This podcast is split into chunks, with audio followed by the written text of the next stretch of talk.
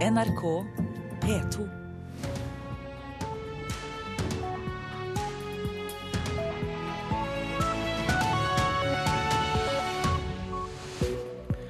Velkommen til eh, Nyhetsmorgen på NRK P2 og Alltid nyheter. Jeg heter eh, Anders Borgen Werring.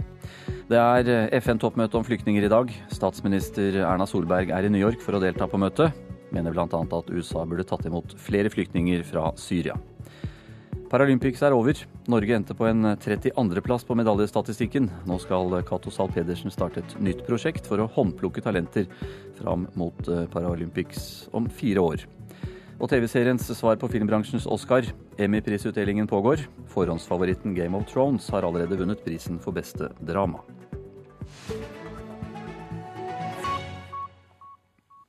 Først nå til eh, Manila på Filippinene. Der er altså Kjartan Sekkingstad endelig i trygghet. Nordmannen ble holdt fanget av eh, Abu Sayyaf-geriljaen i ett år, men ble altså løslatt i helgen. Asia-korrespondent Peter Svaar, du er eh, i Manila. Hva skal skje der i dag? Det tror jeg kommer litt an på hva hovedpersonen eh, selv orker. Han var jo tydelig sliten da vi traff ham på flyplassen her i natt. Men vi eh, blir fortalt at han bl.a. skal debrifes. Um, trolig skal også filippinsk etterretning være interessert i hva Sekkingstad kan fortelle gjennom et år i fangenskap nå, hvor han var. Navn, ansikter på de som holdt ham fanget, i hvilke landsbyer fikk Abu Sayyaf hjelp. Sekkingstad har jo fortalt at det enkelte ganger var 300 soldater rundt ham. og Det utgjør jo brorparten av den lille bevegelsen som Abu Sayyaf er, så han kan for også filippinske myndigheter her sitte med nyttig informasjon. I tillegg til at også norske myndigheter nok har et behov for å få et bedre bilde av hvordan han har hatt det, og hva han har opplevd. Hvorfor ble Sekkingstad løslatt nå? Ja, Det er mye som tyder på at det var sammensatte grunner til at løslatelsen kom, eh, kom nå. Det hadde nok også med løsepenger å gjøre. Det kan ha hatt med militært press å gjøre. Men det er også interessant at det er en annen islamistisk gruppe som nylig har signert fredsavtale med regjeringen her, eh, MNLF, som bisto i løslatelsen av ham. Eh, og det er også flere som har lagt merke til at president Duterte den siste uken har vakt ganske stor oppsikt her, med uttalelser om at eh, amerikanske soldater må forlate områder sør på Filippinene. Så det er i hvert fall mulig å tenke høyt rundt om Stekkingstad har vært en brikke i en større politisk forhandlingsprosess her. Så var det altså Abu Sayyaf-geriljaen som tok ham til fange for ett år siden. Hvor stor makt har denne geriljagruppa egentlig? Ja, Det store paradokset her på Filippinene er jo at Abu Sayyaf er i høyden 300-400 mann. og Det absurde er at de har fått holde på i 15 år mot en filippinsk regjeringshær som jo burde vært dem totalt overlegne. Men eh, når de eksisterer fortsatt, så er eh, en av årsakene mange peker på, at pengene fra denne ekstremt lukrative kidnappingsindustrien som eh, Abu Sayyaf lever av, de pengene havner både høyt og lavt i et ganske korrupt regjeringsapparat her. Det er eh, mulig at det er krefter som ikke er så interessert i at eh, dette skal stoppe helt opp. Og det er også andre som peker på at eh, Abu Sayyaf jo ikke utgjør noen eksistensiell trussel mot eh, Filippinene, men eh, de sørger derimot for at det kommer en ganske jevn strøm av amerikanske antiterrormidler i militær støtte til hæren her, og det er det mange i eh, de væpnede styrkene på Filippinene som er interessert i at skal fortsette. Så Sånn sett kan man si at Abu Sayyaf også for enkelte er en litt nyttig fiende å ha. Og så er det mye spekulasjoner rundt spørsmålet om eh, løsepenger når det gjelder løslatten løslaten av eh, Sekkingstad. Hva er siste nytt der? Ja, vi spurte han jo om det i natt, om han visste noe om løsepenger, og han sa at det beløpet var ukjent for ham dersom det hadde vært et beløp. og jeg tror det kommer aldri til å komme noen offisiell bekreftelse eller avkreftelse på spørsmålet om løsepenger. Vi vet at Abu Soyaf selv hevder at det er betalt rundt 10,5 million kroner for de fire gislene faktisk som ble løslatt i går. Det var jo tre filippinske gisler i tillegg til norske Sekkingstad. Eh, og noen fasit vil vi aldri få, men eh, det er jo mange her på Filippinene som mener å vite ut fra anonyme kilder at eh, det er et ganske stort beløp som er betalt. Takk skal du ha, Peter Svaar, som er på Manila.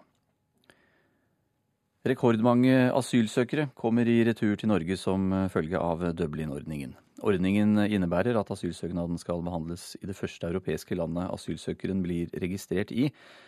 Safwan Hatok fra Syria dro videre fra Norge til Tyskland i januar. Nå er han sendt tilbake og er på et mottak i Bodø.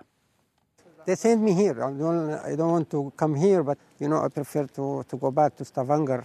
I have friends there, and I ask them, but they sent me here. Safan kom over grensa ved Storskog i november 2015 og ble sendt videre til Stavanger. Her bodde han i to måneder før han og en venn dro videre til Tyskland. Men i Tyskland ble ikke ting som han hadde håpa.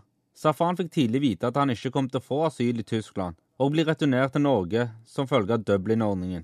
They reject me. They send a post, and uh, I saw a lawyer.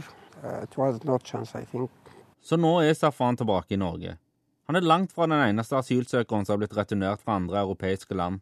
Fra januar til august mottok UDI over 2300 anmodninger om å ta tilbake asylsøkere som først var registrert her, og så hadde dratt videre.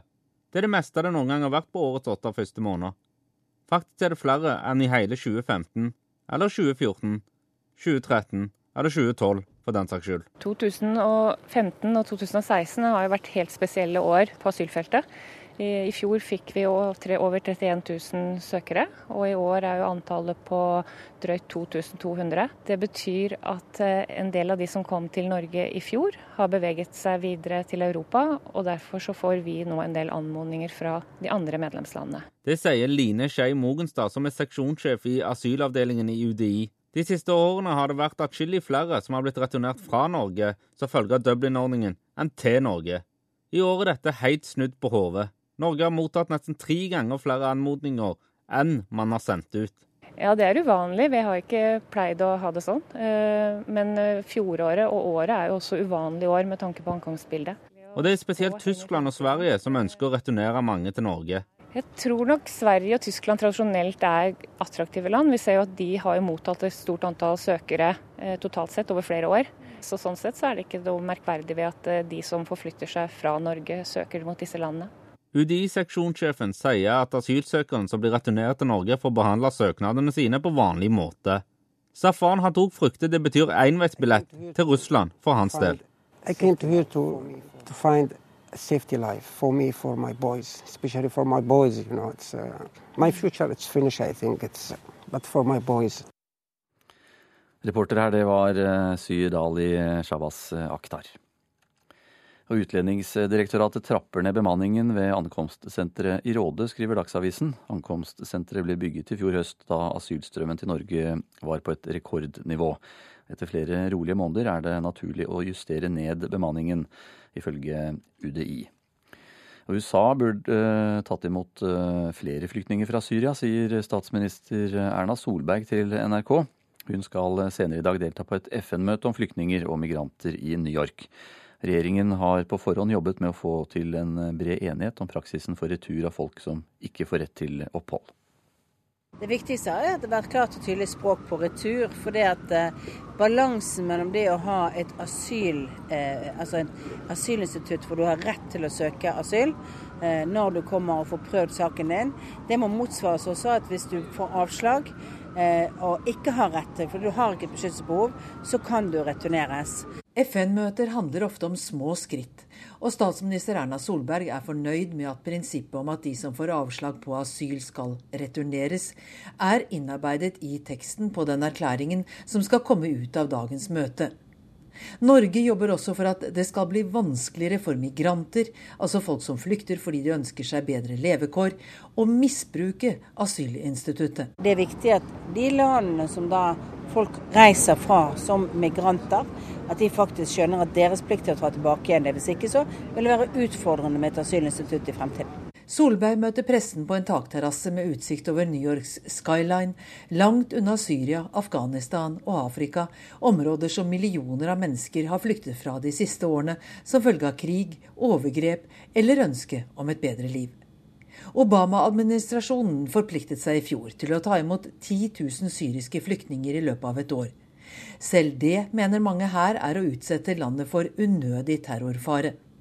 Men Norges statsminister mener at 10 000 ikke er nok for et land med over 320 millioner innbyggere. Jeg syns jo at de burde kunne tatt flere.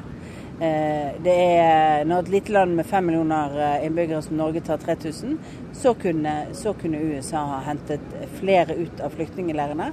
Det er en del kvinner og barn som trenger den typen hjelp. Nå spiller Russland en viktig rolle i forhold til Syria militært sett, og også i diskusjonen om en politisk løsning. Hvilken rolle spiller det når det gjelder diskusjonen om flyktninger? Eh, nesten ingenting.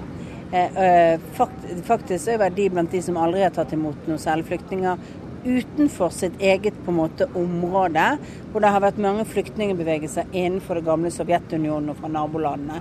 Det har jo vært noen interne flyktningkriser i det store Russland som de har måttet håndtere. Men på FNs kvoteflyktningsystem så er det nesten ingen. Statsminister Erna Solberg ble intervjuet av USA-korrespondent Gro Holm. Skal vi se litt på hva avisene er opptatt av i dag. Gode nyheter eh, i helgen altså, da det ble kjent at eh, Kjartan Sekkingstad hadde blitt løslatt på Filippinene etter ett år i fangenskap. Og det er eh, flere aviser opptatt av, i likhet med oss her i Nyhetsmorgen.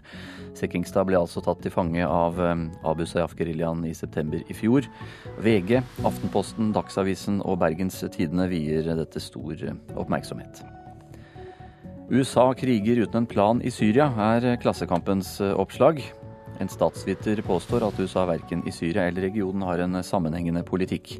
Amerikanske fly utførte i helgen bombeangrep i Syria, som ifølge Syrian Observatory for Human Rights traff feil mål. Det kriserammede offshorerederiet Farstad Shipping søkte en løsning med røykekontrollerte Aker og Solstad, men da satte to av de største kreditorene, DNB og Nordea, foten ned, skriver Dagens Næringsliv. Rederiet har 11,6 milliarder kroner i gjeld. Vårt Land skriver om en kvinne i Malawi som har klart å stanse 1000 barneekteskap. Kvinnen er eh, høvding i et distrikt med 900 000 innbyggere i Malawi, og kjemper en knallhard kamp for jenters rettigheter. Prinsesse Märtha Louise har eh, havnet i bassengbråk, skriver Dagbladet. Det dreier seg om et eh, svømmebasseng på feriestedet Bloksberg. Ifølge avisa skal det ha oppstått uenighet om brukstillatelse på dette bassenget. Og så er det kraftig økning i salget av økomat, ifølge Nasjonen. Avisa skriver at salget av økologisk eh, mat i butikkene har økt med 22% det siste året.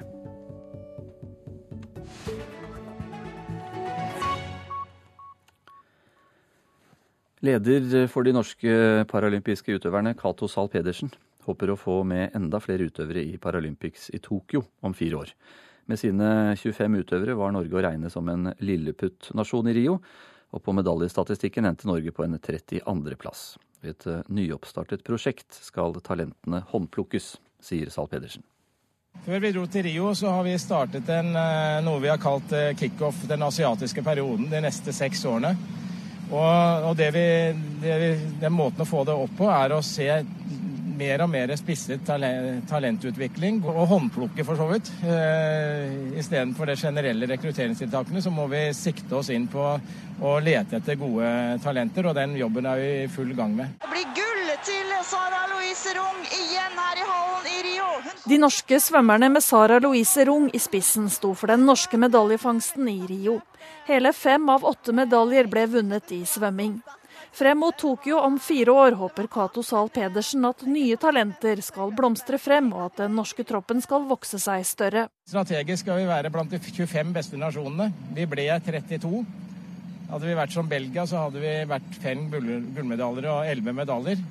De har 40 utøvere, så kanskje vi må opp i 40 utøvere for å få til Det er noe med det volumet. I jakten på talentene har Svømmeforbundet gjort mye riktig som andre særforbund bør ta lærdom av, mener idrettspresident Tom Tvedt. Ja, altså Svømmeforbundet har vært outstanding på dette, og de er veldig flinke. og Noen særforbund har noe å gå på for å bidra enda mer på dette området, her, men man må jobbe systematisk for å få toppidrettsutøvere. Men det handler, like mye om å få opp bredden, altså en større bredde å velge mellom for å få en bredere topp. Reporter her, det var eh, Hilde Liengen. Det er eh, Nyhetsmorgen i NRK P2 og Alltid nyheter eh, du hører på nå. Klokka er 06.47. Fangevokterne sultefòret Kjartan Sekkingstad, slik at han ikke skulle klare å rømme. Mange asylsøkere kommer i retur til Norge pga. Dublin-ordningen. Og Game of Thrones har vunnet prisen for beste dramaserie under eh, årets eh, Emmy-prisutdeling. Mer om eh, TV-selskapenes Oscar-utdeling straks.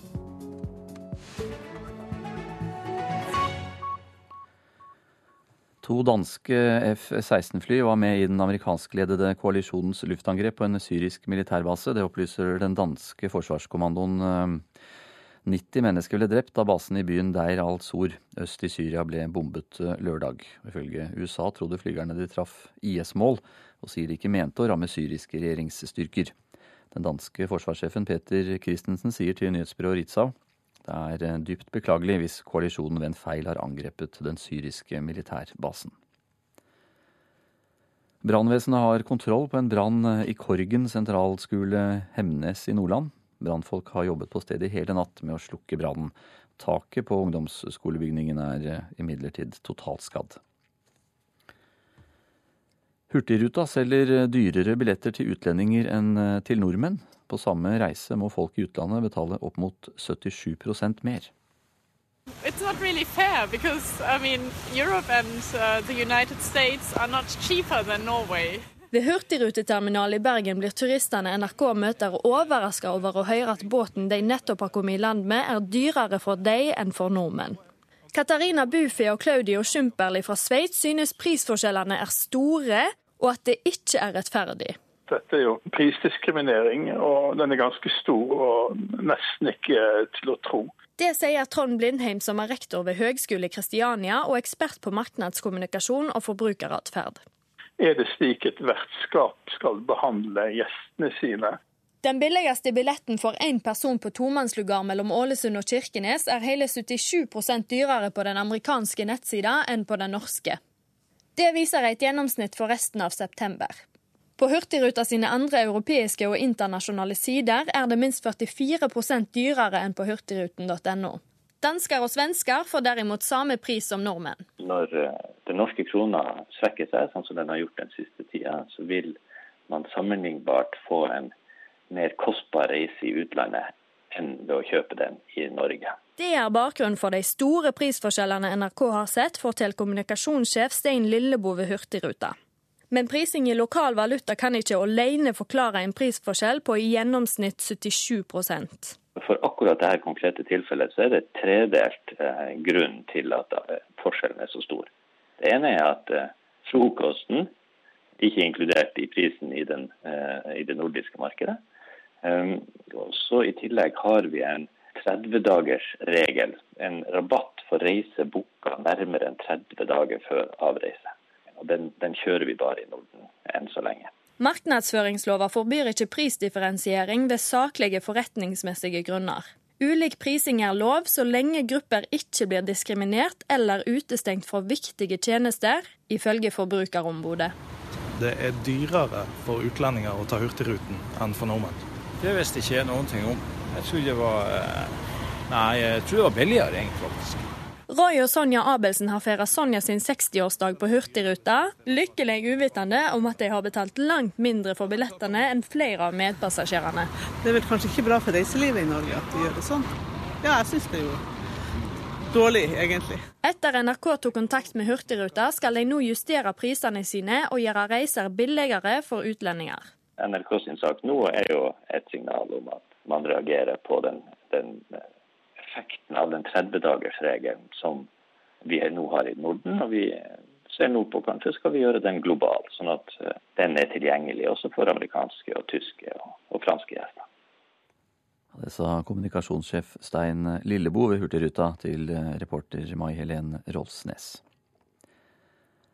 TV-serien Game of Thrones ble historisk i natt, da den eh, amerikanske TV-bransjen feiret seg selv under årets Emmy-prisutdeling med kveldens priser ble den tidenes mestvinnende serie gjennom Emmys 68 eh, år med priser.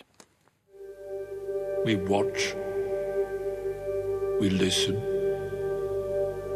and we remember.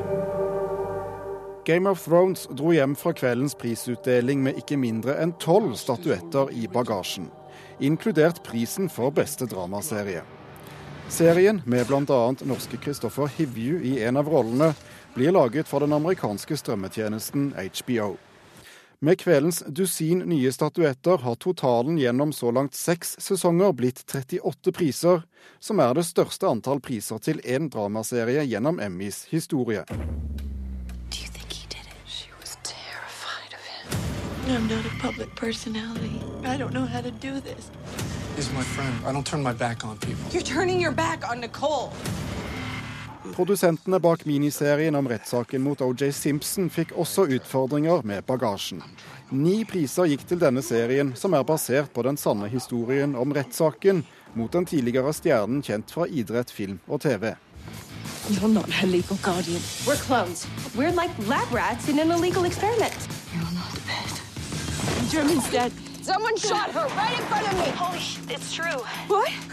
Tatjana Maslani fikk prisen for beste kvinnelige hovedrolle i dramaserien Orphan Black, som blir laget for BBC America. What I'm about to tell you is top secret. A conspiracy bigger than all of us. Mens prisen for beste mannlige hovedrolle i en dramaserie gikk til Rami Malek i Mr. Robot. You sense something wrong with the world. You know it controls you and everyone you care about. You said there was a project. Mr. Robot handler om hacking og overvåking og kan minne om Edward Snowdens historie. Serien ble først vist på flere strømmetjenester før den kom på vanlige TV-skjermer i USA. Reporter her, det var Thomas eh, Alvarstein eh, Ove. Ja, Sigurd Vik, eh, du er TV-serieanmelder i Filmpolitiet her i NRK. Game of Thrones, altså. Tolv priser i natt, og mestvinnende gjennom tidene når det gjelder Emmy, i hvert fall. Hva er det som gjør denne serien så populær? Jeg er mest størst, da. Størst og best. Nei, de uh, har virkelig festa grepet Game of Thrones nå som den store dramaserien. De var forhåndsfavoritten. Det har vært den store popkulturelle snakkisen da den uh, serien gikk i, vår, og den uh, kom inn med, med, hele sin tyngde. Vant som i fjor for beste dramaserie, og tok i tillegg regi- og manusprisene for episoden Battle of the Bastards, som de som har sett serien vil kjenne igjen som et eneste stort, langt slag, nesten, hvor også norske Kristoffer Hivju har en eh, fremdragende og sentral rolle. Så det er både enkeltepisoder her som virkelig har imponert, og en serie som fenger både fans og, og dem som er glad i god TV-underholdning. Ja, bare helt kort, Sigurd. Hva er det Game of Thrones handler om? Du, det er alt mulig rart, holdt jeg på å si. Det er en fantasyserie med drager og kjemper og familier som slåss om, en, om makten i, i kongeriket, holdt jeg på å si. Samtidig som det er en veldig uh, kompleks og mangefasettert dramaserie som tar for seg familiefeider og relasjoner mellom mennesker. Så, så absolutt en, en stor dramaserie, det her.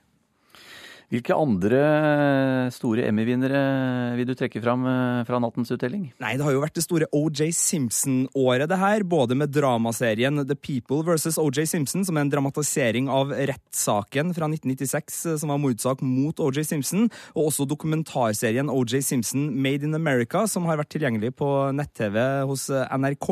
Og det er da dramaserien som ble den store vinneren, kan man si, i natt, med fem priser av seks mulige. Den hadde hele 13 nominasjoner, men en del av de var i samme kategoriene. Men da altså i eh, både beste miniserie, beste hovedrolle i miniserie på både herre- og damesiden, og en del småroller for manus og, og biroller, så var det jo den serien som, som tok hjem flest eh, priser eh, i natt. For det er, eh, selv om Game of Thrones har fått tolv, så er det ikke i natt alle de fikk, for det er en teknisk del av Emmy som har gått noen dager i forveien her, som gikk forrige helg, så en del av prisene har blitt delt ut på forhånd. Så det var de aller gjeveste prisene som ble delt ut i natt, da, og da var det The People versus OJ Simpson som var den store vinneren. Det er jo ofte ting litt sånn på sida når det gjelder sånne prisutdelinger, både Oscar og Emmy. Både når det gjelder klær og uttalelser. Har det vært noen, noen sånne ting i år? det er komiker og talkshow-vert Jimmy Kimmel som var vert vertskap i år, da, og han har en sånn her gammel feide med Matt Damon, skuespilleren, som også dukka opp under showet, så der var det litt komedie rundt det. Eh, selvfølgelig en del humor som går på valgkampen, og Donald Trump fikk jo unngjeld fra, fra flere hold. Eh, og så var det jo veldig rørende da en tårevåt Julia Louise Dreyfus, som vant og ble historisk som vinneren femte året på rad. Hun vant beste kvinnelige komedieskuespillerinne, og har da mista sin far i jeg tror det var i forrige forrige uke, så det var et veldig emosjonelt tale som kom fra Julia. En, en veldig fin, fin, sekvens der, og veldig mange gratulasjoner til henne, som da ble historisk med fem seire på rad der under årets utdeling. Takk skal du ha, Sigurd Vik, TV-serieanmelder i Filmpolitiet her i NRK. Så var det da altså Game of Thrones som ble den store vinneren av årets Emmy. Skal ta en titt på været nå. Østafjells og fjell i Sør-Norge får eh, rolig vind, eh, mye pent vær eh, nærmeste døgnet, men lokalt håke eller lave skyer først på dagen. Vestlandet der ventes det sørlig bris, liten kuling ved Stad. Utover dagen skiftende bris. Spredt regn i ytre strøk nord for Karmøy. Ellers perioder med sol. Trøndelag der blir det rolig vind og spredt regn. Det ventes lavere temperatur på Vestlandet og i Trøndelag. Ellers i Sør-Norge uendret temperatur. Nordland der ventes det sørlig bris. Opp i liten kuling utsatte steder i nord. Periode med sol, men fra ettermiddagen litt regn. Troms og Finnmark får sørvestlig frisk bris utsatte steder. På kysten eh, vest for Nordkapp opp i liten kuling. Litt regn i ytre strøk først på dagen, ellers perioder periode med sol. Stort sett uendret temperatur i Nord-Norge. Spitsbergen får vestlig sterk kuling, som minker til frisk bris. Regn og sluddbyger. Og fram ettermiddagen nordvestlig frisk bris. Så blir det enkelte snøbyger i nord. Ellers opphold. Betydelig lavere temperatur. Og når det gjelder temperaturen målt klokka fem, så hadde Svalbard eh, lufthavn seks grader. Kirkenes fire. Vardø ni. Tromsø 14. Bodø 13 grader. Brønnøysund 12 grader. Trondheim-Værnes eh, 10. Molde og Bergen-Flesland 12 grader. Kristiansand 11, Gardermoen 7, Lillehammer 8 grader. Og på Røros så var det 4 grader klokka fem i dag.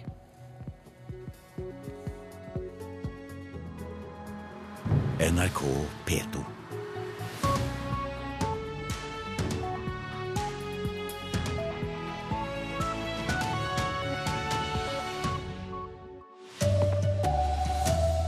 Norske kommuner bør gi arbeidsløse jobb, mener forsker. TV-serien Game of Thrones satte rekord i natt. Her er NRK Dagsnytt klokken sju. Norske kommuner må tilby jobb til dem som havner utenfor arbeidslivet. Det mener seniorforsker Simen Markussen ved Frisch-senteret i Oslo. En ny undersøkelse fra NHO viser at nesten halvparten av medlemsbedriftene er positive til å stille med arbeidsplasser dersom de får lønnstilskudd. Mer sjenerøse lønnstilskudd kan være et virkemiddel, men det er ikke nok, mener Markussen. Jeg tror vi også må stille krav til offentlig sektor og norske kommuner om at norske kommuner faktisk må ansette denne gruppa hos Nav i tilpassede jobber. Så det kan være jobber i sykehjem, i barnehager og i ulike kommunale tjenester der mer bemanning kan gi bedre tilbud, og i tillegg gi arbeidsmuligheter for de som står utenfor. Kjartan Sekkingstad er nå endelig i trygghet i Manila på Filippinene. Nordmannen ble holdt fanget av Abu Sayyaf-geriljaen i ett år, men ble løslatt i helgen. Asia-korrespondent Peter Svaar i Manila sier det er litt usikkert hva som skjer med Sekkingstad i dag. Det tror jeg kommer litt an på hva hovedpersonen eh, selv orker. Han var jo tydelig sliten da vi traff ham på flyplassen her i natt. Men vi eh, blir fortalt at han bl.a. skal debrifes. Um, trolig skal også filippinsk etterretning være interessert i hva Sekkingstad kan fortelle gjennom et år i fangenskap nå, hvor han var. Navn, ansikter på de som holdt ham fanget, i hvilke landsbyer fikk Abu Sayyaf hjelp. Sekkingstad har jo fortalt at det enkelte ganger var 300 soldater rundt ham, og det utgjør jo brorparten av den lille bevegelsen som Abu Sayyaf er, så han kan for også filippinske myndigheter her sitte med nyttig informasjon. I tillegg til at også norske myndigheter nok har et behov for å få et bedre bilde av hvordan han har hatt det, og hva han har opplevd. TV-serien Game of Thrones satte rekord i natt da den amerikanske TV-bransjen feiret seg selv under årets Emmy-prisutdeling. Med kveldens priser ble den tidenes mestvinnende serie gjennom Emmys 68 år med priser. Game of Thrones dro hjem fra kveldens prisutdeling med ikke mindre enn tolv statuetter i bagasjen, inkludert prisen for beste dramaserie. Serien, med bl.a. norske Christopher Hivju i en av rollene, blir laget for den amerikanske strømmetjenesten HBO. Med kveldens dusin nye statuetter har totalen gjennom så langt seks sesonger blitt 38 priser, som er det største antall priser til én dramaserie gjennom Emmys historie sa reporter Thomas Alvarstein Ove. NRK Dagsnytt, Ida Creed. Og Nyhetsmorgen fortsetter i P2 og Alltid nyheter med bl.a. følgende saker. Fangevokterne sultefòret Kjartan Sekkingstad slik at han ikke skulle klare å rømme. Kommune-Norge må tilby jobb til dem som havner utenfor arbeidslivet, ifølge en forsker. Og I Russland har president Vladimir Putins parti fått over halvparten av stemmene i valget til ny nasjonalforsamling.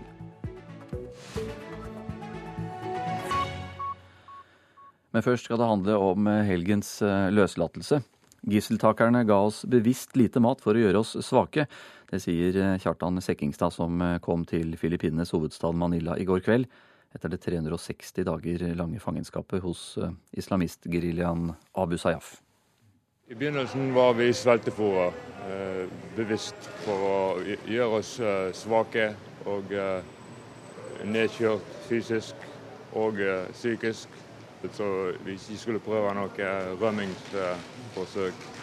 På slutten så var det bedre behandling, bedre mat, bedre kvantum. Sekkingstad forteller at han ikke fikk noen informasjon om omverdenen. Han og de andre gislene ble tvunget til å bære gisseltakernes eiendeler, og de var stadig bevegelse på flukt fra militæret. Det var konstant uh, bevegelse.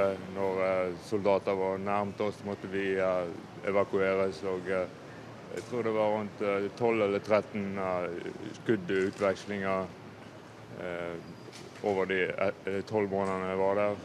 Og utallige angrep fra, fra luften fra helikopter med med artilleri den veien. En av gangene var han nær ved å bli truffet av skudd under kamper mellom gisseltakerne og det filippinske militæret. Men det aller verste var drapene på hans to canadiske medfanger. Eh, det verste var vel når eh, mine to medfanger, kameratene, ble avliva. Det var det, det verste opplevelsen.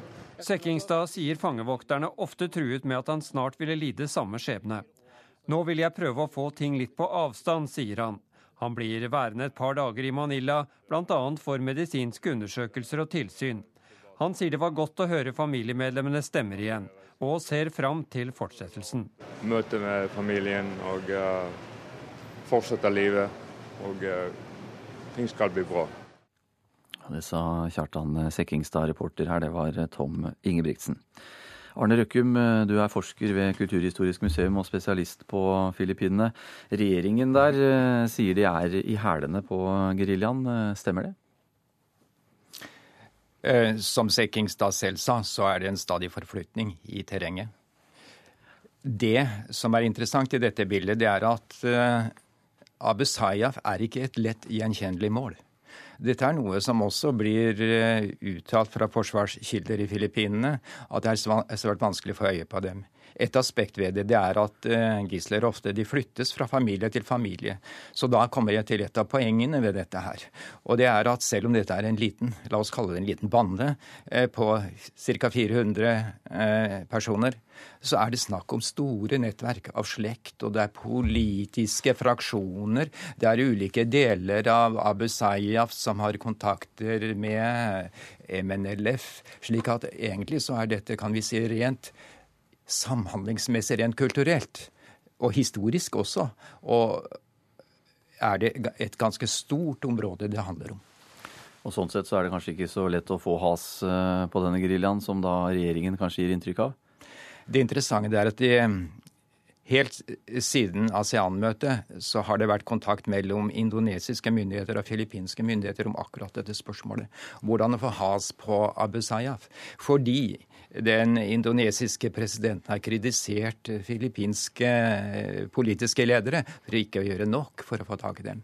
Og Det som har kommet ut av dette her nå i de siste dagene, det er at endelig skal indonesiske militære eh, enheter få anledning til å gå inn i filippinsk farvann hvis det er snakk om at det er en jakt, en direkte jakt på, på Abu Sayyaf eller andre terroristgrupper. Eh, hvis vi går litt tilbake til Sekkingstad og løslatelsen av eh, ham. Eh, hvorfor ble han utlevert, og ikke de andre som ble tatt i fange? De ble jo rett og slett drept. Et filippinsk gissel ble jo også løslatt. Eh, Marites Flor ble også løslatt. Og samtidig var det tre indonesiske gisler som ble løslatt.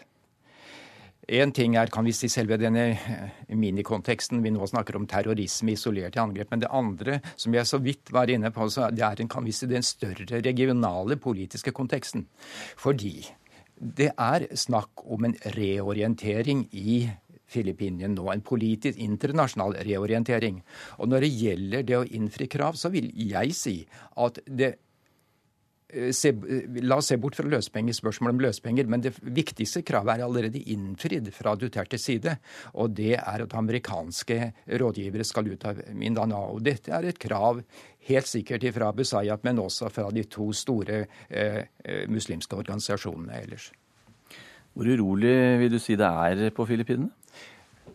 Eh, du kan si at Det interessante er at hvor urolig det er. det er Én ting er kan vi si, historikken med antall drepte, og det er jo veldig stort. og det er Konfliktene vi nå snakker om, de er ganske lange, på ca. 40 år.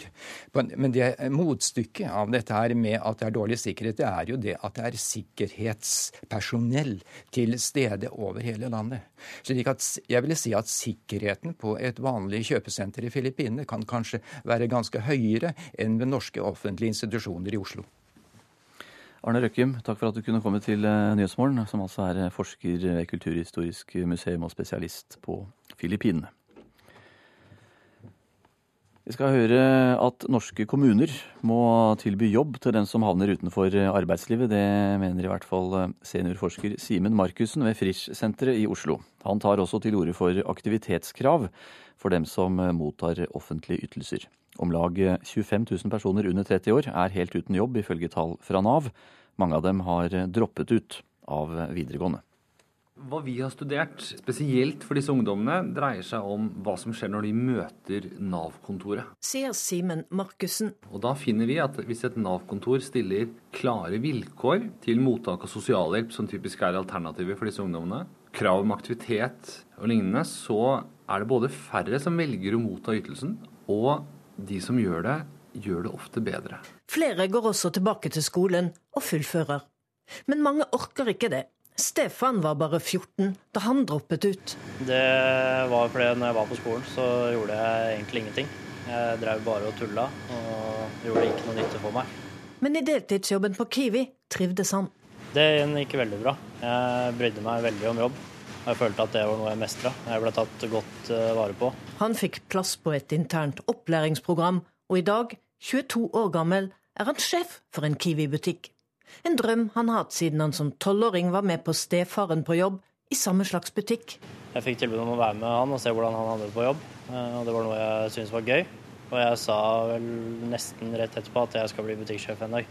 Stefan klarte seg uten Nav, men mange som ham oppsøker nærmeste Nav-kontor Markussen er klar på hva slags tiltak som virker, hva som kan få dem ut av utenforskapet. Ordinær utdanning og arbeidstrening i ordinær virksomhet det har gode effekter, mens disse korte kursene og skjermet virksomhet har liten eller ingen effekt. Så en uh, ordentlig jobb på en ordentlig arbeidsplass, det er det beste? Ja, det kan se sånn ut. En helt fersk undersøkelse fra NHO viser at nesten halvparten av medlemsbedriftene er villige til å ta imot folk som trenger arbeidstrening. Å gi dem en sjanse i arbeidslivet. og Det er et gledelig tall og et godt utgangspunkt for å få til integrering. Sier direktør i NHO, Kristin Skogen Lund. Men det trengs økt bruk av lønnstilskudd fra staten. Vi må være ærlige og erkjenne at mange av disse har ikke fra dag én den samme produktiviteten som et eh, norsk arbeidsliv etter hvert krever. Eh, og det er ikke så mange jobber i Norge som ikke krever ganske mye kompetanse. Så det tar litt tid å få opparbeidet den kompetansen. Mer sjenerøse lønnstilskudd kan være ett virkemiddel, sier Markussen. Men det er ikke nok. Han mener det må settes krav om at også norske kommuner ansetter folk som har falt utenfor. I tilpassede jobber, og for å rett og slett få bedre bemanning på de tjenestene som kommunene har. Så Det kan være jobber i sykehjem, i barnehager og i ulike kommunale tjenester, der mer bemanning kan gi bedre tilbud, og i tillegg gi arbeidsmuligheter for de som står utenfor. Reportere her, det var Katrin Hellesnes og David eh, Krekling. Yngvar Aasholt, du er eh, kunnskapsdirektør eh, i Nav. Hva skal til for å hindre at ungdom faller utenfor? Viktigste grunnen til at mange ikke kommer inn på arbeidsmarkedet, det er en blanding av ikke fullført utdanning og ofte også helseproblemer som psykiske utfordringer. Så det viktigste vi kan gjøre, det er å fange opp ungdom tidlig. Altså allerede på barne- og ungdomsskolen, eh, sørge for at eh, de kommer seg trygt gjennom skolegangen. Eh, det er det, og kanskje også styrke da tilbudet til hvis de har psykiske utfordringer, at helsetjenesten kan fange opp og bistå. Det er, for det er det viktigste som kan forklare at så mange faller utenfor. Og bør da norske kommuner tilby jobb til dem som havner utenfor, sånn som forskeren her foreslår? Vi trenger eh, mange typer arbeidsgivere. Vi trenger eh, at kommunene kommer lenger opp på banen og, og åpner seg for å skaffe rom for disse ungdommene. Men vi trenger også de ordinære virksomhetene, sånn som vi hørte her. En Kiwi-butikk. Eh, varehandel sysselsetter veldig mange som kanskje sliter med ikke fullført utdanning, og gir et godt tilbud. Dette med aktivitetskrav for dem som eh, mottar offentlige ytelser, er det noe man bør stille krav om? Ja, og det, det, gjøres eh, helt klart i økende grad. Det er veldig viktig at vi fanger opp disse ungdommene så tidlig som overhodet mulig.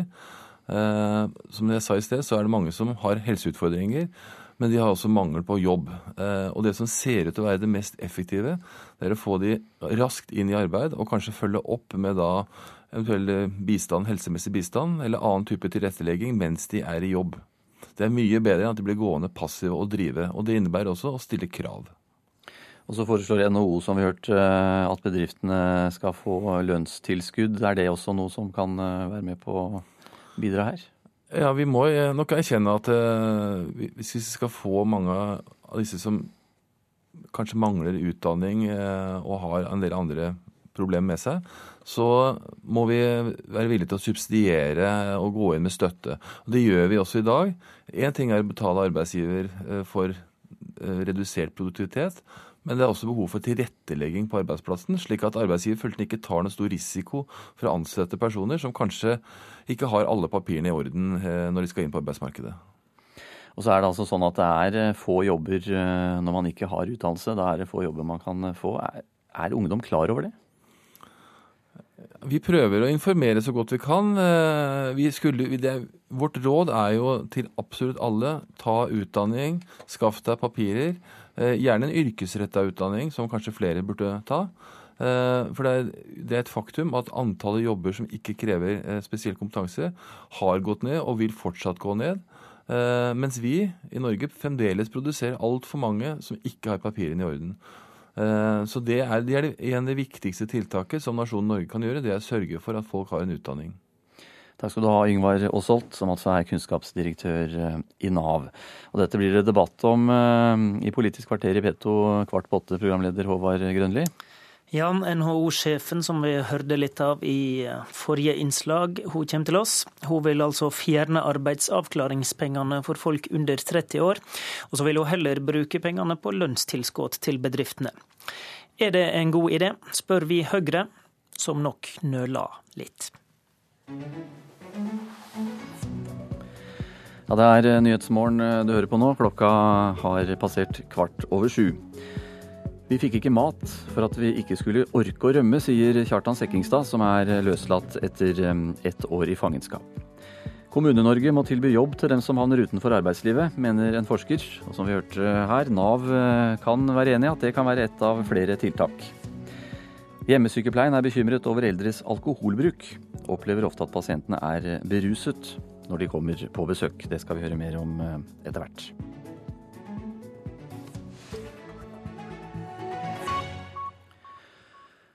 Men først nå til eh, Russland, for der har eh, president Vladimir Putins parti fått over halvparten av stemmene i valget til ny nasjonalforsamling.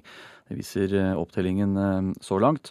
Moskva-korrespondent Morten Jentoft, med 80% av stemmene talt opp, så har Forente Forent Russland eh, altså nå fått godt over halvparten av stemmene. Hva forteller det om Putins dominans?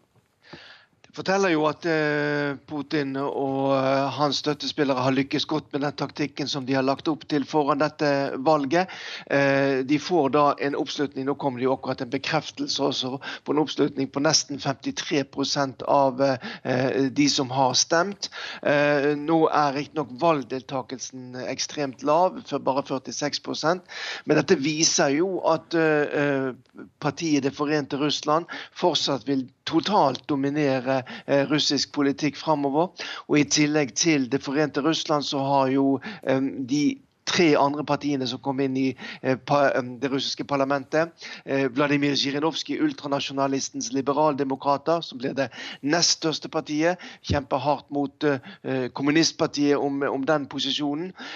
Og partiet som heter Et rettferdig Russland. Det er de fire partiene som er kommet inn på partilistene til parlamentet. Og disse partiene, disse andre partiene støtter jo også i prinsippet da i store trekk Vladimir Putins politikk. sånn at hans dominans, hans kontroll over den lovgivende forsamling, den fortsetter.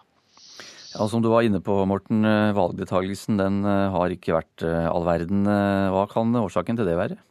Ja, øh, Kritikerne vil jo si at øh, grunnen til den lave valgdeltakelsen det er noe som passer øh, de som styrer Russland veldig godt. De ønsket en lav valgdeltakelse. De flyttet valgene som tradisjonelt har vært holdt i begynnelsen av desember, til nå i september, da veldig veldig mange russere fremdeles i helgene er ute på sine sommersteder.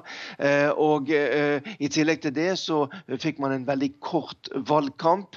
det mener man også da favoriserte de som sitter ved makten. Eh, sånn at eh, det er nok noe av årsakene til den lave valgdeltakelsen. I tillegg så har jeg også merket en ganske stor apati blant veldig mange russere.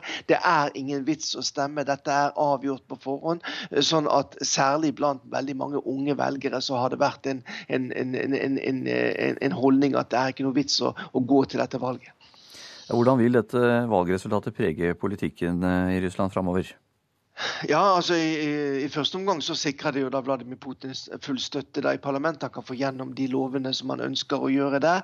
En interessant ting, en kanskje positiv trekk, er jo det at tross alt så har da dette valget vært gjennomført på en noe mer eh, demokratisk måte, mener mange, selv om det har vært eksempler på valgfusk. Eh, her har det vært muligheter for eh, flere politiske krefter å stille opp.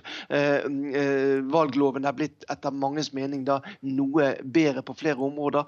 Sånn at dette valget kan på en måte være et utgangspunkt for eh, en, en, en, en altså Det kan gi en mulighet for andre partier foran det neste parlamentsvalget å forberede seg bedre. Sånn at eh, Det er vel det man håper på fra opposisjonens side. At eh, dette skal brede grunnen for å kunne forberede seg til det neste parlamentsvalget om fem år. Takk skal du ha, Morten Jentoft, vår eh, Moskva-korrespondent. Og fra Russland så skal vi til USA, for der eh, har det i løpet av helgen eh, vært tre mulige terrorangrep. Det mest alvorlige fant sted i New York, der 29 mennesker ble såret av en bombe. Utenriksmedarbeider Eirik Veum, hva mer kan du fortelle om disse tre angrepene? Nei, det, det, er jo da tre forholdsvis alvorlige angrep som skjedde da på, på, lørdag. Det mest alvorlige, som du sier, var i, i New York, i bydelen Manhattan. Dette er en av de mest sentrale bydelene i, i, byen. Og Her var det plassert ut to såkalte splintebomber. Den ene gikk da riktignok ikke av, men, men, den andre gjorde det, og, og eh, påførte da 29 mennesker ganske alvorlige skader. Eh, disse bombene var, eh, var, var, laget, altså var hjemmelagde bomber laget med, med såkalte trykkokere og ledninger og da mobiltelefoner som skulle utløse dem. Ehm, hvorfor Manhattan, spør man seg nå. Jo, man kan kanskje si at dette jo, har en viktig symboleffekt. Eh, dette er en av de mest sentrale bydelene i, New York, og ved å ramme amerikanerne her, så viser det at man kan slå til i og for seg hvor som helst. Ehm, noen timer tidligere på lørdag så var det da en, eh, en eh, annen bombeaksjon i nabostaten New Jersey, ved Seaside Park. Der var bomben plassert ut i nærheten av et mosjonsløp til inntekt for soldater. Her var det ingen som ble såret. Og så har du også hatt en, eh, en hendelse da i eh, Minnesota, i byen eh, St. Cloud, hvor en person gikk rundt med kniv og, og angrep ni mennesker, før han da ble skutt og drept av en politimann. Og akkurat dette angrepet har, har i for seg terrorgruppen IS tatt på seg skylden for, og mener at det var en av deres da, som sto bak dette angrepet. Og så er amerikanske myndigheter også ganske sikre på at de to andre angrepene også er terror. Hva er det som gjør at de er så sikre? Ja, de, de, altså, Amerikanerne sier at de, de, trenger ikke å vite hvem som står bak eh, i, i, utgangspunktet, så lenge ofrene er sivile og, og, målet i og for seg er tilfeldig. Det er definisjonen på terror, og det, og det holder for dem. Og Det er selvfølgelig viktig å vite hvem som står bak når man skal etterforske dette, men, men for å definere noe som terror, så holder det å se på metoden som er brukt. Ja, du nevnte IS har tatt på seg skylda for dette knivangrepet. Er det noen som har tatt på seg skylda for disse to andre? Nei, eh, foreløpig ikke. eh, Men denne terrorteorien styrkes jo også ved, ved at man ser på metoden som er brukt, særlig i New York. Hvor man da har eh, lagt ut disse splintbombene. Og det er jo en vanlig metode som terrorister bruker under bombeangrep. Man legger da en sprengladning. Rundt her så har man splinter. Det kan være spiker, skruer, metallbiter. Og det brukes utelukkende for å påføre mennesker mest mulig skade over størst mulig, eh, et, størst mulig område.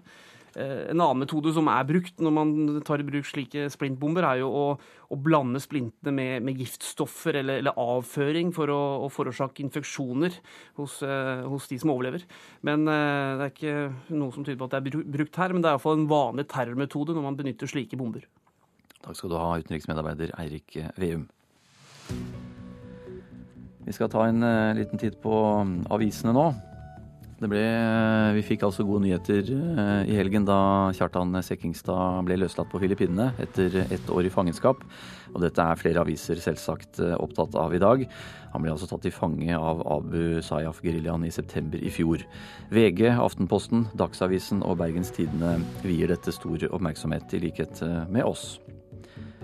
USA kriger uten en plan i Syria, er Klassekampens oppslag. En statsviter påstår at USA verken i Syria eller regionen har en sammenhengende politikk. Amerikanske fly utførte i helgen bombeangrep i Syria, som uh, ifølge Syrian Observatory for Human Rights traff feil mål.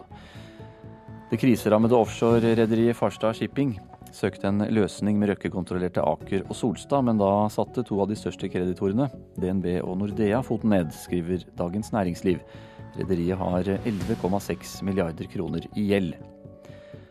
Vårt Land skriver om en kvinne i Malawi som har klart å stanse 1000 barneekteskap.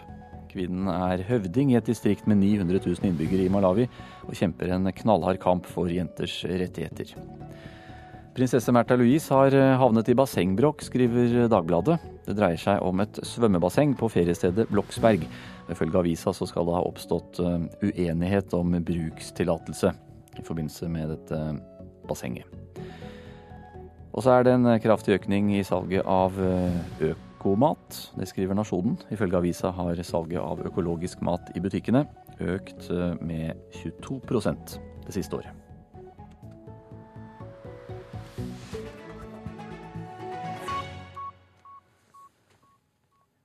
Hjemmesykepleien på Nøtterøy i Vestfold er bekymret over eldres alkoholbruk. Ifølge Helsedirektoratet har alkoholforbruket blant norske menn og kvinner over 50 år nesten doblet seg i løpet av de siste tiåra. Geriatrisk sykepleier Ranveig Welken sier hun daglig ser at eldre drikker for mye. Vi ser at det er økende. Det er veldig mange eldre kvinner som har et stort forbruk av, av spesielt vin, kanskje. Skjer det ofte at uh, folk er beruset når dere kommer på besøk? Uh, ja, det gjør det. Det sier Ranveig Velken, som er geriatrisk sykepleier og jobber i hjemmetjenesten i Nøtterøy kommune. Spesialrådgiver på kompetansesenter rus ved Borgestadklinikken Fred Rune Ramm sier forskning støtter Velkens observasjoner om at eldre drikker mer enn tidligere. Ja, de drikker stadig mer uh det faller riktignok med økende alder, men, men, hvis vi går litt sånn noen år tilbake og sammenligner år for år, så har det vært en voldsom økning. Mest hos kvinner. Ja, jeg syns jo vin er veldig godt med et glass vin. Det er det. Kvinnene vi treffer på Sjølystsenteret, et aktivitetssenter for personer over 55 år på Nøtterøy, sier de er glade i vin. Men de har ikke inntrykk av at det er mange eldre som har et problematisk forhold til alkohol. Så er det veldig forskjell på på eldre i dag. Det er veldig mange eldre som er veldig spreke og blir veldig gamle. Og, og, jeg er jo sammen med en del mennesker, vi skal på busstur bl.a. nå. Og da bruker vi litt alkohol og drikker litt alkohol på bussen. Men det er aldri noe sånn veldig overdrevent, og vi har det veldig hyggelig. Men alkohol blir brukt, ja. De jeg er det samme med, i hvert fall, har ikke noe problem i det hele tatt. Gjør meg ingentingen. Og jeg har ikke inntrykk av at noen av de misbrukere det kan være kanskje noen som sitter mye hjemme aleine. At de kan hygge seg med et glass vin og, og føle det at de liksom Ja, jeg vet ikke. At de syns det er litt selskap i det hvis de er mye aleine. Nøtterøy kommune er i ferd med å vedta en ny rusmiddelpolitisk handlingsplan, og eldres alkoholbruk er et tema der. Kommunen siterer statistikk som sier at andelen eldre mellom 70 og 79 år som har et problematisk alkoholkonsum, økte fra 0,5% i 1997 til 4,5% i 2008. Ranveig Velken i Hjemmepleien sier de har gjennomført et forsøksprosjekt der ansatte er opplært i temaet. Hun mener friske eldre må få informasjon. Eh, jeg tror Det viktigste jobben er kanskje å komme litt tidligere på banen enn i forhold til de som har hjemmetjenester. Eh, det er viktig å informere de som er friske eldre, slik at de, eh, de tar bevisste valg før de får behov for tjenester. Ja, Det er altså Nyhetsmorgen eh, du hører på nå. I reportasjen etter Dagsnytt så skal vi til Tyskland. Der er allerede Oktoberfestivalen i gang, men i år så får den et litt annet preg. Og I Politisk kvarter klokka kvart på åtte så blir det debatt om tiltak for de som havner utenfor arbeidslivet. Produsent for Nyhetsmorgen eh, i dag, det er Ulf Tannes Fjell. Jeg heter eh, Anders Borgen Werring. NRK P2.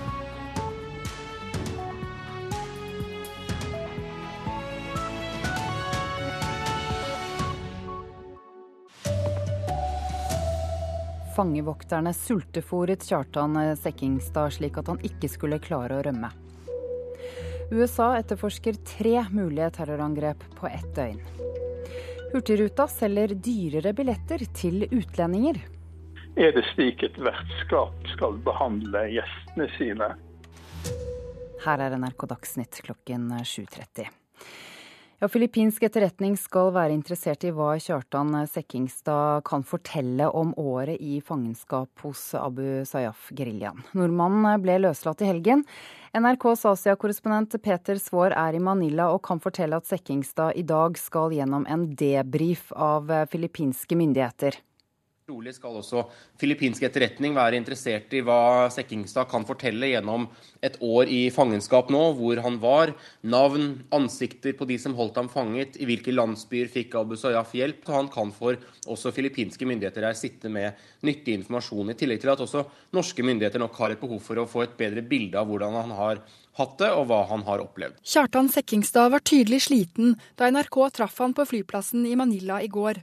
Der fortalte han at Abu Sayyaf bevisst ga dem lite mat, slik at de ikke skulle rømme. I begynnelsen var vi sveltefòra, eh, bevisst for å gjøre oss eh, svake og eh, nedkjørt fysisk og psykisk. Så vi ikke skulle prøve noe rømmingsforsøk.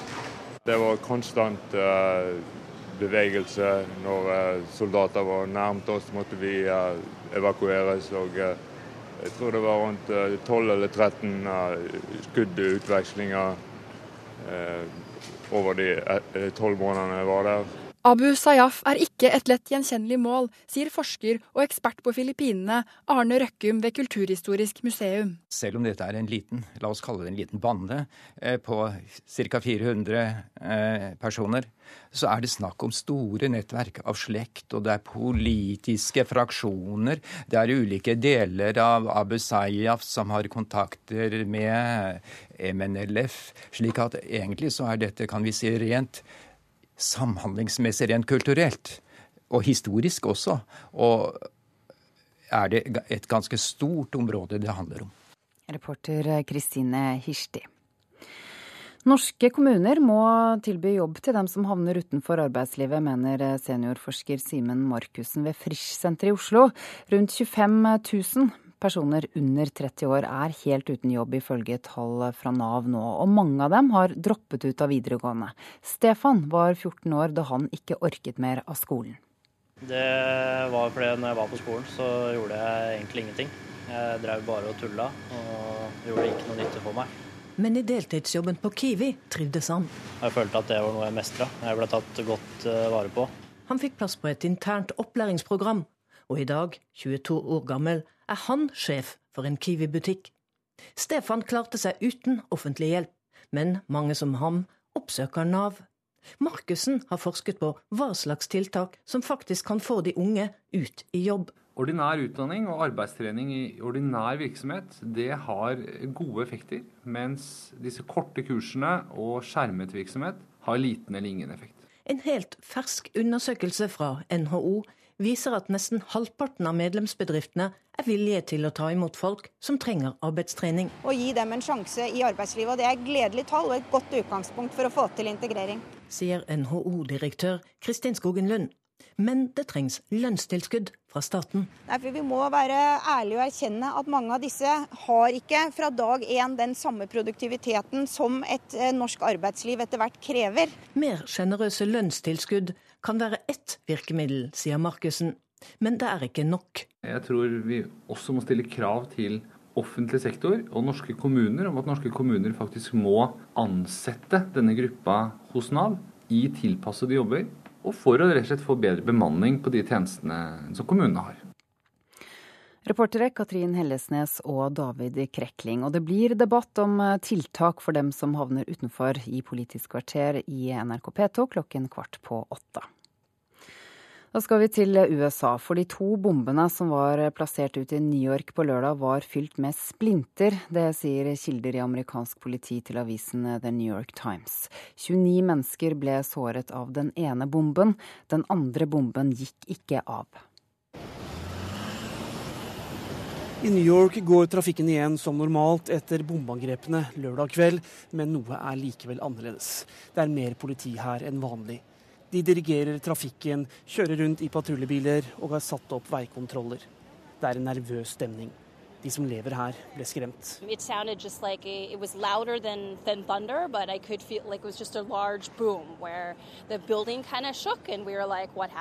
Det var bydelen Chelsea på Manhattan som ble rammet lørdag. 29 personer ble såret i angrepet, og det er meldt om omfattende materielle skader.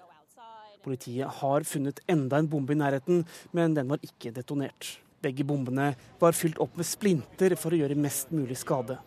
USA har blitt rystet av tre mulige terrorangrep i løpet av helgen. I tillegg til bomben i New York gikk det også av en sprengladning i nabostaten New Jersey lørdag. Det skjedde i forbindelse med et mosjonsløp. Også i Minnesota var det et mulig terrorangrep, hvor en person knivstakk ni mennesker før han selv ble skutt og drept av politiet. Terrorgruppen IS sier at denne gjerningsmannen tilhører dem. Det sa utenriksreporter Erik Veum. Eirik Veum. Hurtigruta selger eh, dyrere billetter til utlendinger enn til nordmenn. På samme reise må folk i utlandet betale opp mot 77 mer. Markedsføringsekspert eh, synes prisforskjellene er overraskende store. Dette er jo prisdiskriminering, og den er ganske stor og nesten ikke til å tro. Det sier Trond Blindheim, som er rektor ved Høgskole Kristiania og ekspert på markedskommunikasjon og forbrukeratferd. Er det slik et vertskap skal behandle gjestene sine? Den billigste billetten for én person på tomannslugar mellom Ålesund og Kirkenes er hele 77 dyrere på den amerikanske nettsida enn på den norske. Det viser et gjennomsnitt for resten av september. På Hurtigruta sine andre europeiske og internasjonale sider er det minst 44 dyrere enn på hurtigruten.no. Dansker og svensker får derimot samme pris som nordmenn. Når eh, den norske krona svekker seg, sånn som den har gjort den siste tida, så vil man sammenlignbart få en mer kostbar reise i utlandet enn ved å kjøpe den i Norge. Det er bakgrunnen for de store prisforskjellene NRK har sett, forteller kommunikasjonssjef Stein Lillebo ved Hurtigruta. I tillegg har vi en 30-dagers regel. En rabatt for reise booka nærmere enn 30 dager før avreise. Og den, den kjører vi bare i Norden enn så lenge.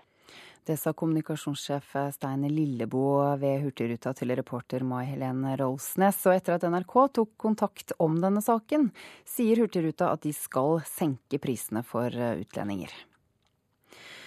Brannvesenet arbeider fortsatt med å slukke brannen i Korgen sentralskole i Hemnes i Nordland. Brannvesenet sier de har kontroll, men taket på bygningen er totalskadet. Brannen startet i går, og slukkearbeidet har pågått i hele natt. Den populære TV-serien Game of Thrones ble historisk i natt, da den amerikanske TV-bransjen feiret seg selv under årets Emmy-prisutdeling. Med kveldens priser har den blitt tidenes mestvinnende serie gjennom Emmys 68 eh, år med priser og glamour. We watch. We listen. and we remember. Game of Thrones dro hjem fra kveldens prisutdeling med ikke mindre enn tolv statuetter i bagasjen, inkludert prisen for beste dramaserie. Serien, med bl.a. norske Christopher Hivju i en av rollene, blir laget for den amerikanske strømmetjenesten HBO. Med kveldens dusin nye statuetter har totalen gjennom så langt seks sesonger blitt 38 priser, som er det største antall priser til én dramaserie gjennom Emmys historie. I'm not a public personality. I don't know how to do this. He's my friend. I don't turn my back on people. You're turning your back on Nicole. Produsentene bak miniserien om rettssaken mot OJ Simpson fikk også utfordringer med bagasjen. Ni priser gikk til denne serien, som er basert på den sanne historien om rettssaken mot den tidligere stjernen kjent fra idrett, film og TV. You're not her legal guardian. We're clones. We're like lab rats in an illegal experiment. Tatjana Maslani fikk prisen for beste kvinnelige hovedrolle i dramaserien Orphan Black, som blir laget for BBC America. What I'm about to tell you is top secret. A conspiracy bigger than all of us. Mens prisen for beste mannlige hovedrolle i en dramaserie gikk til Rami Malek i Mr. Robot. Reporter eh, Thomas Alvarstein Ove. Ansvarlig for Dagsnytt-sendingene denne morgenen er Erlend Rønneberg. Jeg heter Ida Creed.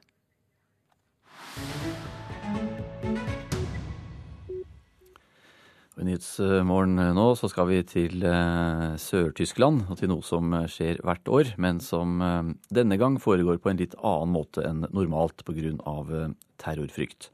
Den begynte på lørdag. Vi snakker om oktoberfesten. oktoberfesten.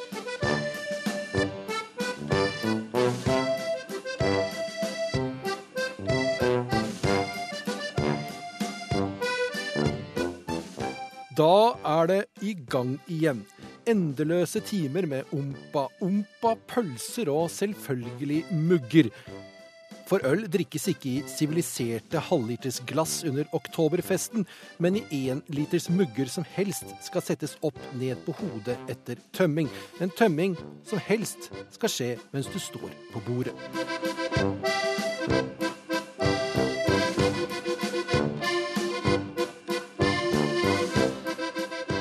Statistikken for årets oktoberfest kan være imponerende.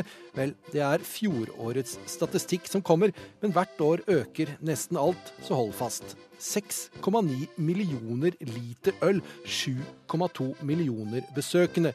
Festivalplassen er på 200 000 kvadratmeter, og det er sitteplasser til 100 000 mennesker. Og for å gjøre det komfortabelt for de mennene blant de øldrikkende, 878 meter med urinaler. Skal.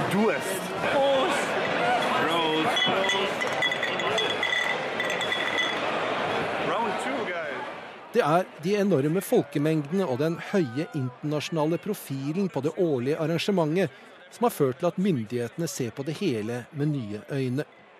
Bakgrunnen er terrorangrepene i Europa det siste året, og spesielt angrepet mot et kjøpesenter i München i juli. Also die Stadt München hat ein neues Sicherheitskonzept erarbeitet bzw. das fortgeschrieben. Es wird äh, verstärkte Zugangskontrollen durch den Ordnungsdienst geben.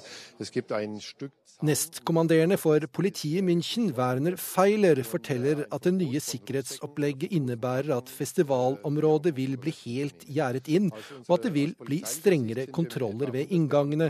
At det ikke vil bli lov å ta med seg ryggsekker eller store vesker inn. For å forsterke sikkerheten ytterligere vil politinærværet øke med 100 tjenestemenn og -kvinner i forhold til i fjor. Altså, de brillene setter ich nicht auf, weil ich die Kamera. Du, hier ist falsch.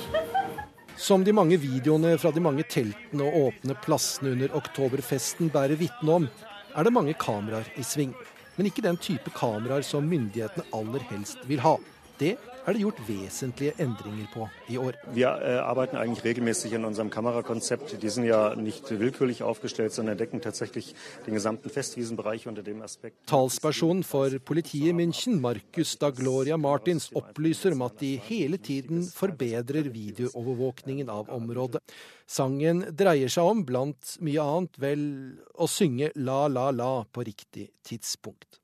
Oktoberfesten har gått gjennom mange versjoner siden det kongelige bryllupet som startet det hele i 1810, men felles har vært tyske pølser og øl. Det regnes nå som verdens største folkefestival, og har blitt en signatur på Bayern, en signaturhendelse myndighetene legger mye ressurser ned i å bevare. Vanskelige tider har det vært. Kriger, ikke minst andre verdenskrig, satte en midlertidig stopp på festlighetene, men også terror. I 1980 gikk det av en rørbombe ved en av inngangene. Det kostet 13 mennesker livet. Men de gode nyhetene i år kan være at det ikke har kommet frem noen konkrete trusler mot oktoberfesten. Likevel mener myndighetene det er nødvendig å ha en høy beredskap. Og det var eh, reporter Halvard Sandberg som hadde laget eh, denne saken. Klokka nærmer seg kvart eh, på åtte. Det er altså Nyhetsmorgen du hører på. Dette er hovedsakene. Fangevokterne sultefòret Kjartan Sekkingstad slik at han ikke skulle klare å rømme. USA etterforsker tre mulige terrorangrep på ett døgn. Og Hurtigruta selger dyrere billetter til utlendinger. Det blir eh, debatt om tiltak for de som havner utenfor arbeidslivet i Politisk kvarter, som eh, starter nå om eh, få sekunder. Programleder i dag er Håvard Grønli.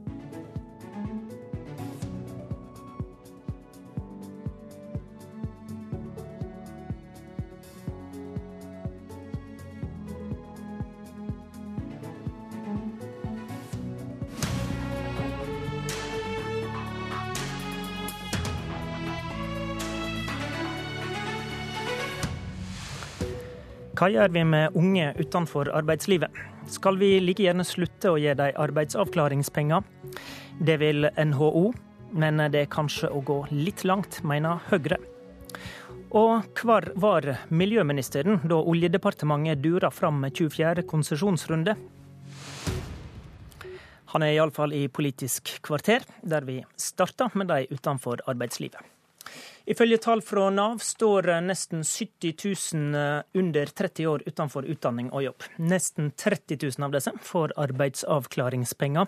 Dette er ei yting som er retta inn på folk med skade eller sykdom. Kristin Skogen Lund, administrerende direktør i NHO, god morgen. Hei. Dere vil endre disse ordningene med arbeidsavklaringspenger for unge under 30 år. Forklar hva du ser for deg. Ja, hvis, for det må jeg bare understreke at Det er et uh, veldig vokst, stort og voksende samfunnsproblem at altfor mange faller utenfor. Uh, og det vi ser er at uh, ganske mange har i utgangspunktet ikke et sykdomsbilde, men en mestringsutfordring. Men så er ordningene lagt opp slik at disse arbeidsavklaringspengene de får du bare hvis du er minst 50% syk eller arbeidsufør.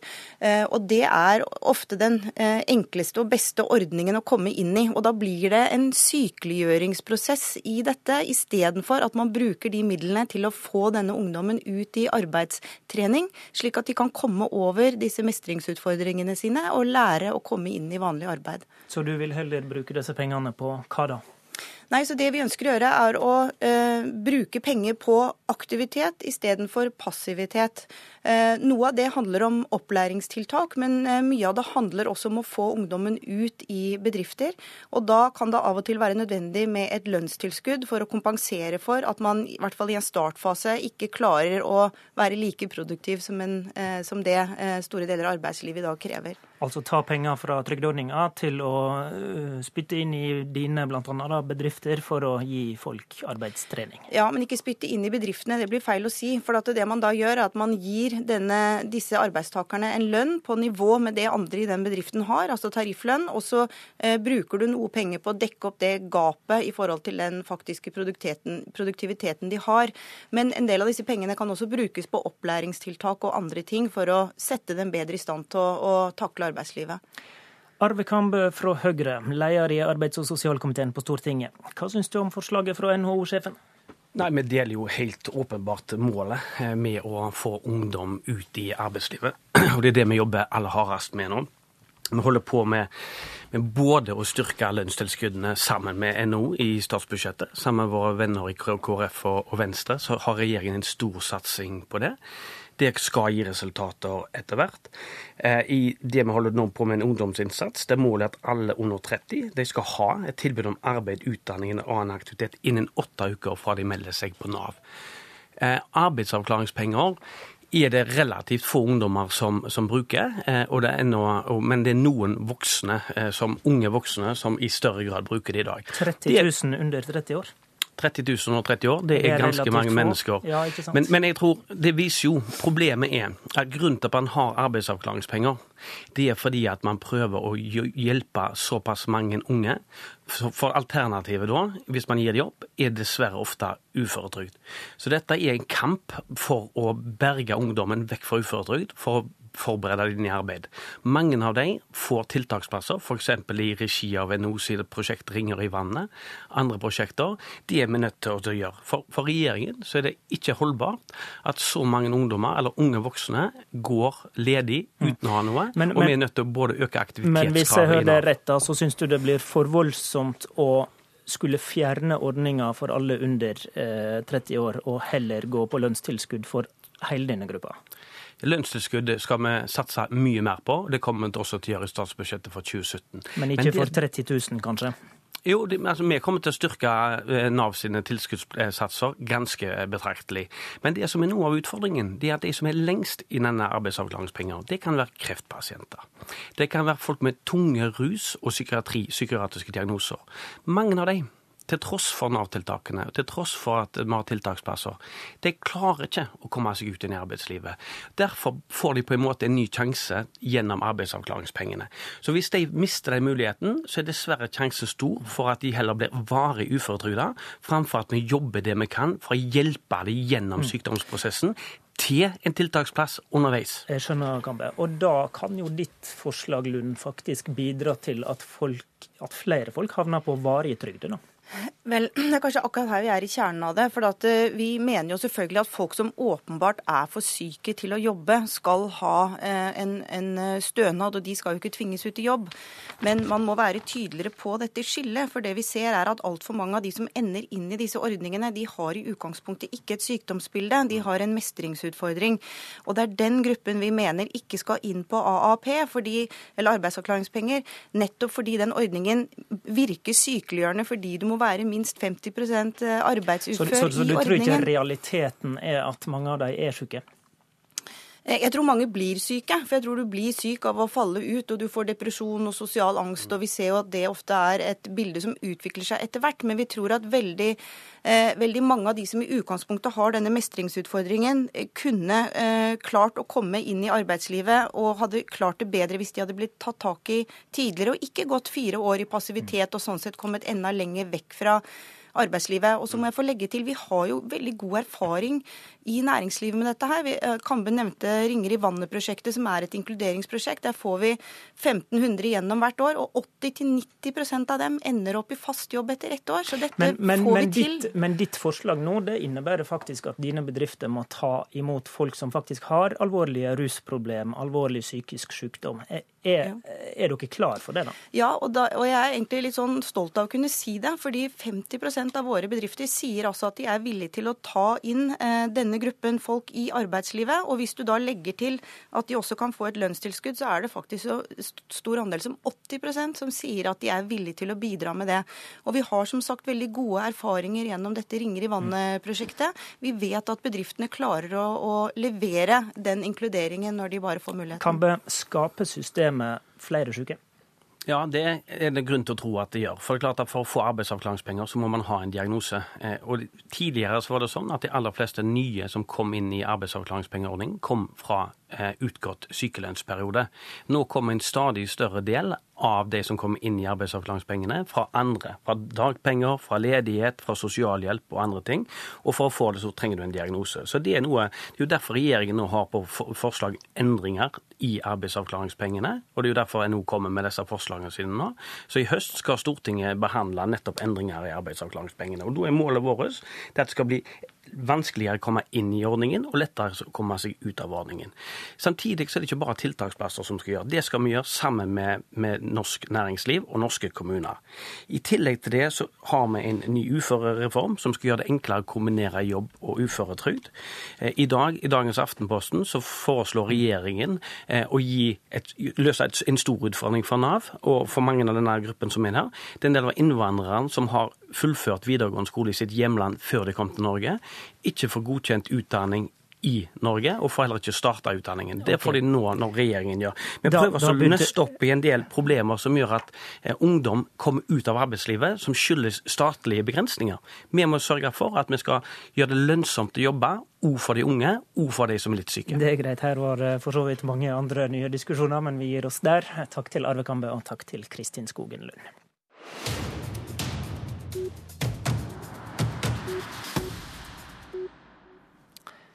Den siste tida har det vært mye støy etter at oljeminister Tord Lien starta neste oljetildelingsprosess med å la oljeselskapene nominere sårbare områder i Lofoten, på Mørebankene, rundt Bjørnøya og i et verneområde utenfor Jæren. Men hvor var klima- og miljøministeren da dette skjedde? Nå er du her, Vidar Helgesen. Velkommen. Takk skal du ha. Når i denne prosessen ble du klar over detaljene i den prosessen som Olje- og energidepartementet hadde starta? Jeg eh, ble klar over dette samtidig som eh, Eller noen eh, minutter etter at statsministeren ble klar over hva som hadde skjedd.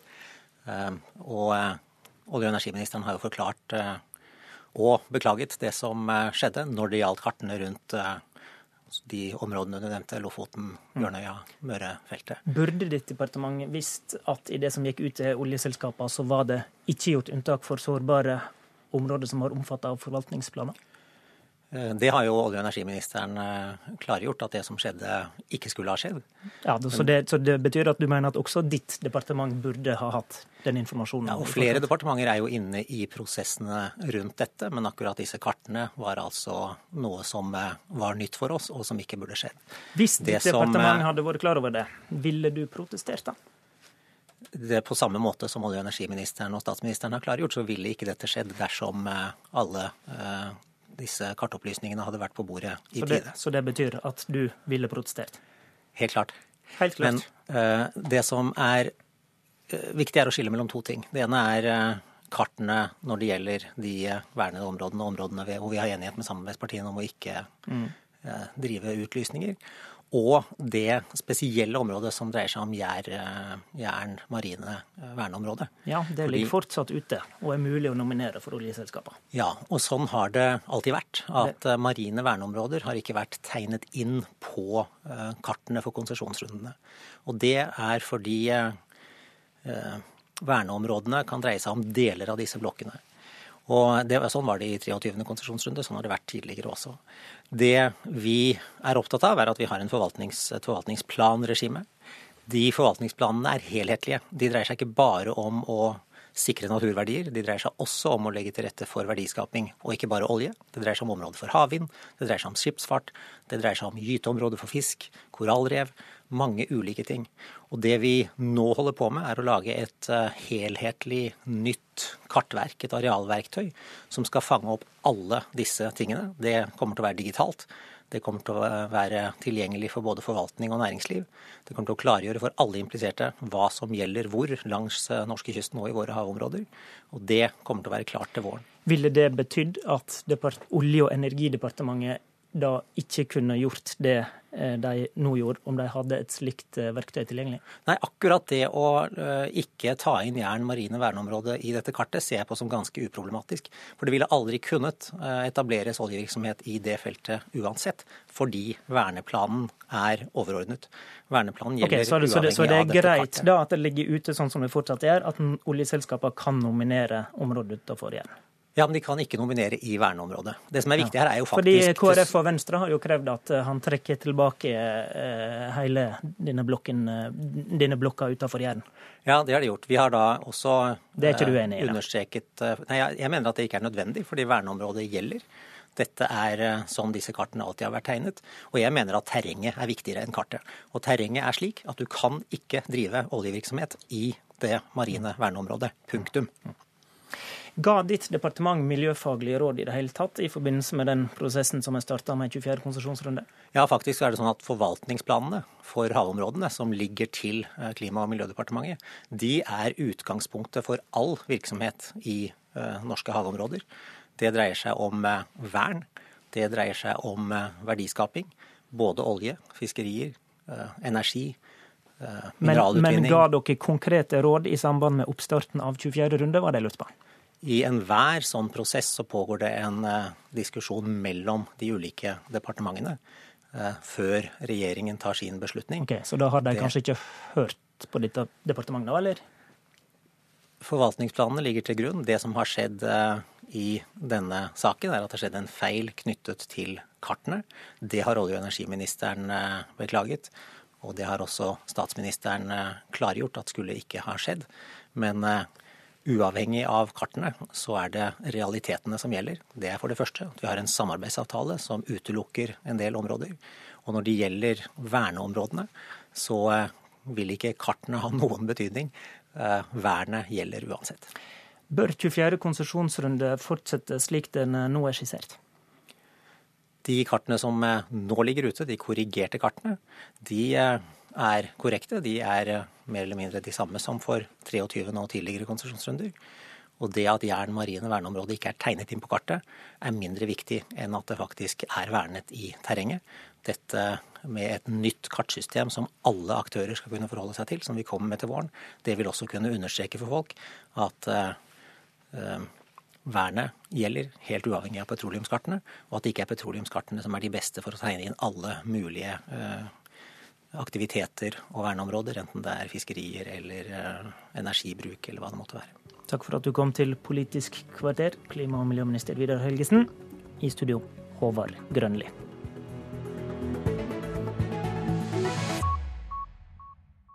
Hør flere podkaster på nrk.no podkast.